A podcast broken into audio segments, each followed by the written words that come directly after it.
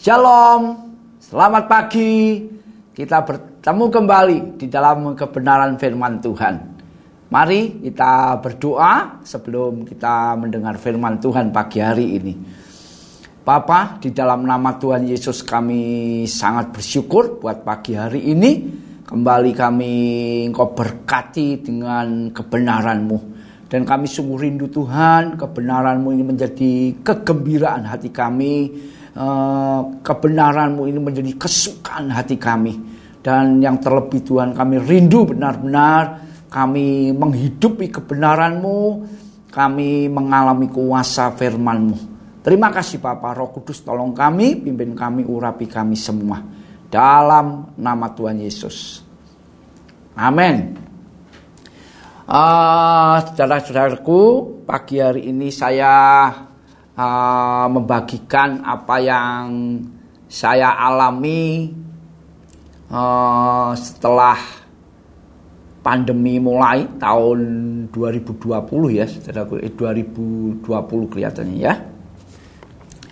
Uh, waktu rame-ramenya pandemi bulan Maret seingat saya itu uh, di YouTube kalau kita melihat banyak hamba Tuhan membagikan akan kebenaran firman Tuhan ya. Dan kalau kita menyimak seakan-akan hamba Tuhan ini bertengkar, bertengkar seakan-akan ya saudaraku ya. Bertengkar yang satu bilang begini, yang satu bilang begini, yang satu bilang begini ya. Nah, suatu waktu saya waktu lihat itu saya berdoa Tuhan ini bagaimana? Kok yang satu gini? Ya semuanya benar saudaraku ya. Karena itu yang disampaikan adalah firman Tuhan. Uh, dalam situasi COVID yang semakin luar biasa di Indonesia ya waktu itu. Dan ketika saya berdoa uh, Tuhan juga berbicara saudaraku ya. Dan saya oleh janji Tuhan saya pegang dan Tuhan cuma ngomong begini sama saya waktu itu darahku cukup ya sudah saya percaya darah Yesus cukup melindungi saya dari COVID ya. Uh, dan saya benar-benar menyaksikan bagaimana campur tangan Tuhan yang luar biasa sampai hari ini saudaraku ya. Bukan hanya kepada diri saya sendiri tapi buat seluruh keluarga saya ya. Dan waktu itu yang agak saya juga pernah takut adalah menantu saya hamil saudaraku ya. Dan kita juga ada ibadah dan sama uh, ibadah kami itu ya orang-orang menengah ke bawah sehingga mereka itu kadang-kadang sembrono tidak karu-karuan saudaraku ya. Tapi saya juga melihat campur tangan Tuhan yang luar biasa sampai cucu saya lahir tidak ada pernah terjadi apa-apa saudaraku ya jadi ini yang luar biasa yang saya melihat ketika kita mempercayai apa yang Tuhan katakan, hal itu pasti terjadi dalam hidup kita. Karena Tuhan yang ngomong, saudaraku ya. Dan saya masih ingat ketika awal rame-ramenya itu eh, Bapak Gembala menyampaikan Mazmur 91. Dan itu memang saya melihat campur tangan Tuhan yang luar biasa di gereja Kahal. Sekali lagi Ketika kita mendengar firman Tuhan dan kita mempercayainya, maka kuasa firman Tuhan itu yang bekerja dalam hidup kita, saudaraku ya. Dan pagi hari ini saya membagikan apa yang sekali lagi saya alami selama uh, awal-awal pandemi itu sampai sekarang, saudaraku ya. Uh, saya mempunyai kebiasaan yaitu membaca firman dan saya sudah sering kali bersaksi bahwa ketika saya membaca firman, saya membaca firman itu dua kali sehari, maksudnya begini, uh, ada yang berbarengan dengan grup, tapi saya juga membaca secara pribadi, begitu ya. Dan uh, waktu rame-ramenya itu, uh, pandemi itu saya membaca Alkitab, membaca Alkitab, dan membaca Alkitab. Oh, hampir tiap hari berjam-jam, ya. Dan saya percaya itu anugerah Tuhan. Karena uh, saya melihat dan saya mengalami sendiri bahwa Alkitab itu memang hanya tulisan saja saudaraku. Ya kalau kita baca Alkitab kan memang hanya tulisan saja. Tapi kalau kita berdoa dan kita benar-benar minta Tuhan untuk tulisan ini menjadi uh, apa hidup begitu ya saudara akan mengalami hal-hal yang luar biasa di sana ya. Dan pagi hari ini uh, saya akan membagikan itu saudaraku ya. Kita buka Mazmur pasal 1 ini sudah sering kali kita mendengar ya. Saya akan bacakan begini. Ayat pertamanya berbahagialah. Ini kalau sudah ngomong tentang berbahagia ya berbahagia saudaraku ya. Berbahagialah orang yang tidak berjalan menurut nasihat orang fasik yang tidak berdiri di jalan orang berdosa dan yang tidak duduk dalam kumpulan penyempoh. Wah ini tiga kriteria ini hari-hari ini harus menjadi perhatian saudara. Ya. Kalau saudara tidak memperhatikan ini dan masih melakukan dengan kumpul-kumpul sama tiga tiga kriteria ini maka saudara pasti tidak bahagia saudaraku ya. Tapi kalau saudara benar-benar meninggalkan ini maka di Katakan oleh firman Tuhan, berbahagialah. Ya. Dan ayat 2 mengatakan ini, tetapi ya kalau kita tidak kumpul dengan penyembah tidak ber, di, berdiri di jalan orang berdosa, tidak menurut nasihat orang fasik, tetapi yang kesukaannya ialah Taurat Tuhan. Tapi tidak berhenti di sini saudaraku. Ya. Dilanjutkan ayat selanjutnya. Dan yang merenungkan Taurat itu siang dan malam. Ini mesti menjadi apa ya? Menjadi pegangan di dalam hidup saudara dan saya sebagai orang percaya berbahagia karena kesukaannya adalah Taurat Tuhan, firman Tuhan.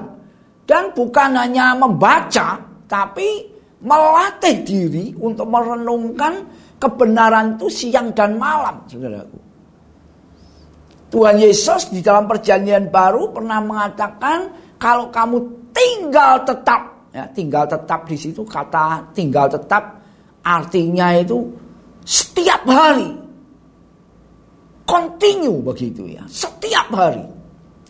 Jadi kalau saudara dan saya, uh, maaf mungkin ada juga eh, anak-anak uh, Tuhan yang baca firmannya dongkolo kalau bahasa Jawanya. Kadang kala begitu ya.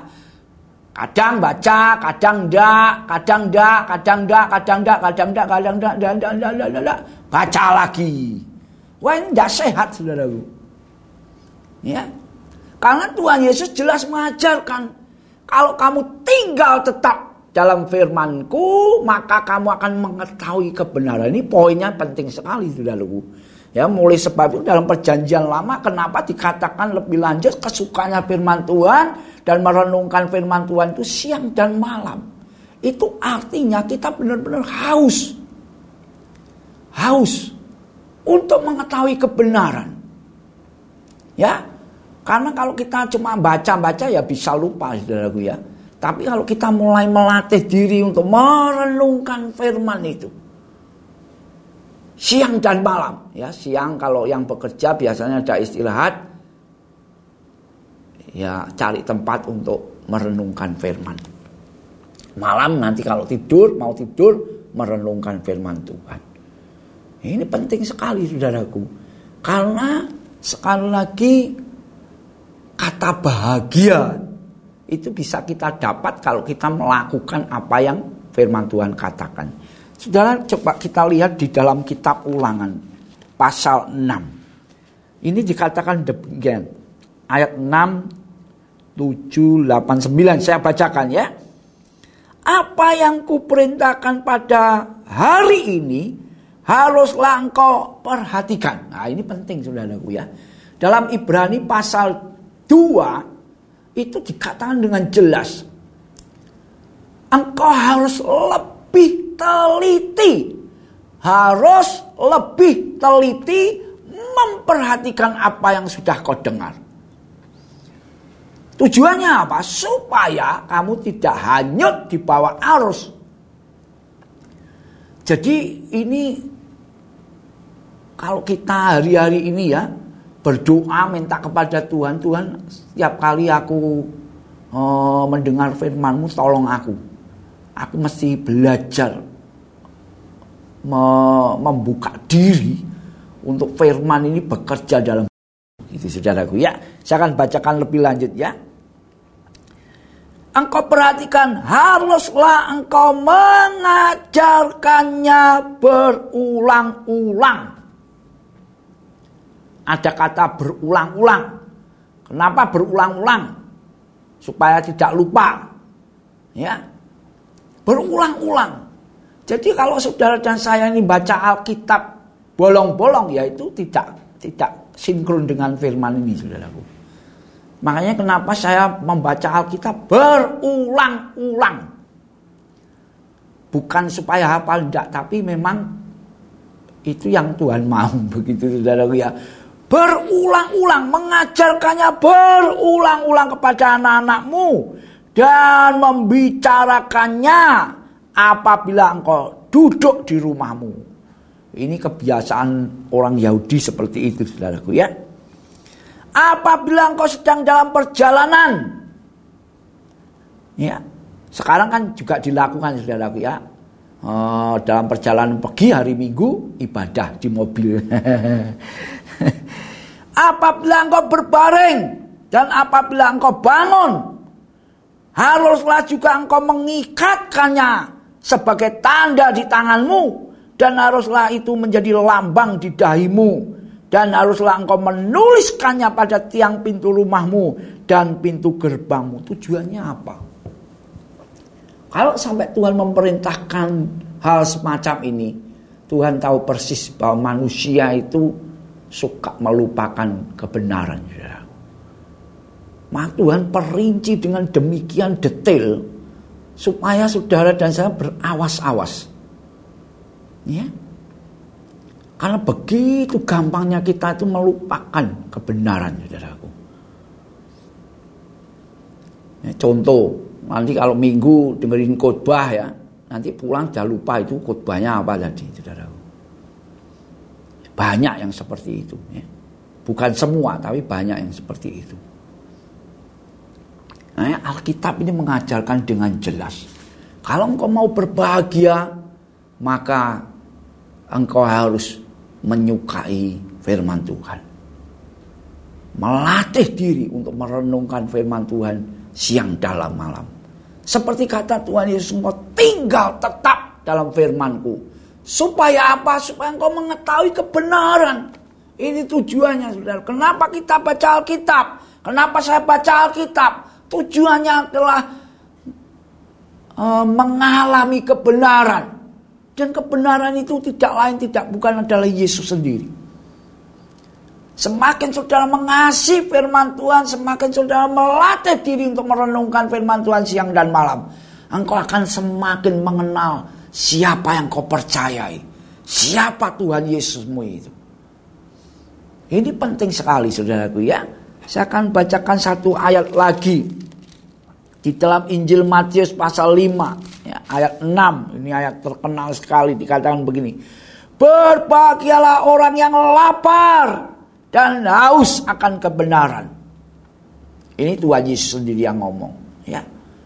Saudara dan saya ini akan mengalami kebahagiaan sejati ketika hari-hari ini kau lapar haus akan kebenaran. Contoh, uh, saya uh, kasih ilustrasi Alkitab inilah gampangannya ya. Alkitab ini kan uh, firman Tuhan atau makanan atau roti atau minuman juga bisa saudaraku ya. Kalau dikatakan oleh Tuhan Yesus berbahagia orang yang lapar dan haus akan kebenaran, Alkitab ini ada di depan kita, tapi kita cuma pandang saja, tidak pernah dibuka, tidak pernah dibaca, ya saudara tidak akan mengalami namanya kebahagiaan itu saudaraku. Jadi pagi hari ini saya share apa yang saya alami hari-hari ini. Ya. Hari ini saya selesai membaca Alkitab yang ke-54 kali, saudaraku. Dan ini membuat semakin bergairah membaca Alkitab. Kenapa?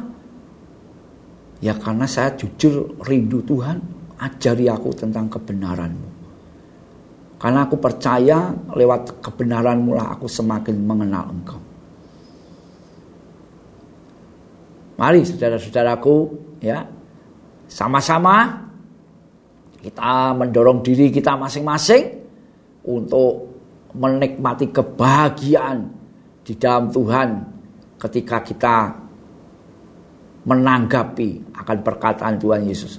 Berbahagialah orang yang haus dan lapar akan kebenaran. Amin. Mari kita berdoa. Bapak kami sangat bersyukur buat firmanmu pagi hari ini. Biar ini menjadi semakin nyata dalam kehidupan kami masing-masing Tuhan. Ketika kami lapar, haus akan kebenaranmu, maka kami akan mengalami kebahagiaan. Karena kami tahu persis bahwa kebenaranmu adalah pribadimu. Kebenaran itu adalah dirimu Tuhan. Dan kami percaya ketika kami benar-benar melatih diri kami membaca Alkitab, merenungkan, menyukai akan kebenaranmu, memperkatakannya berulang-ulang dalam kehidupan kami. Kami percaya kami akan mengalami kuasa firmanmu mengubah hidup kami. Terima kasih Bapak. Di dalam nama Tuhan Yesus. Amin. Tuhan memberkati.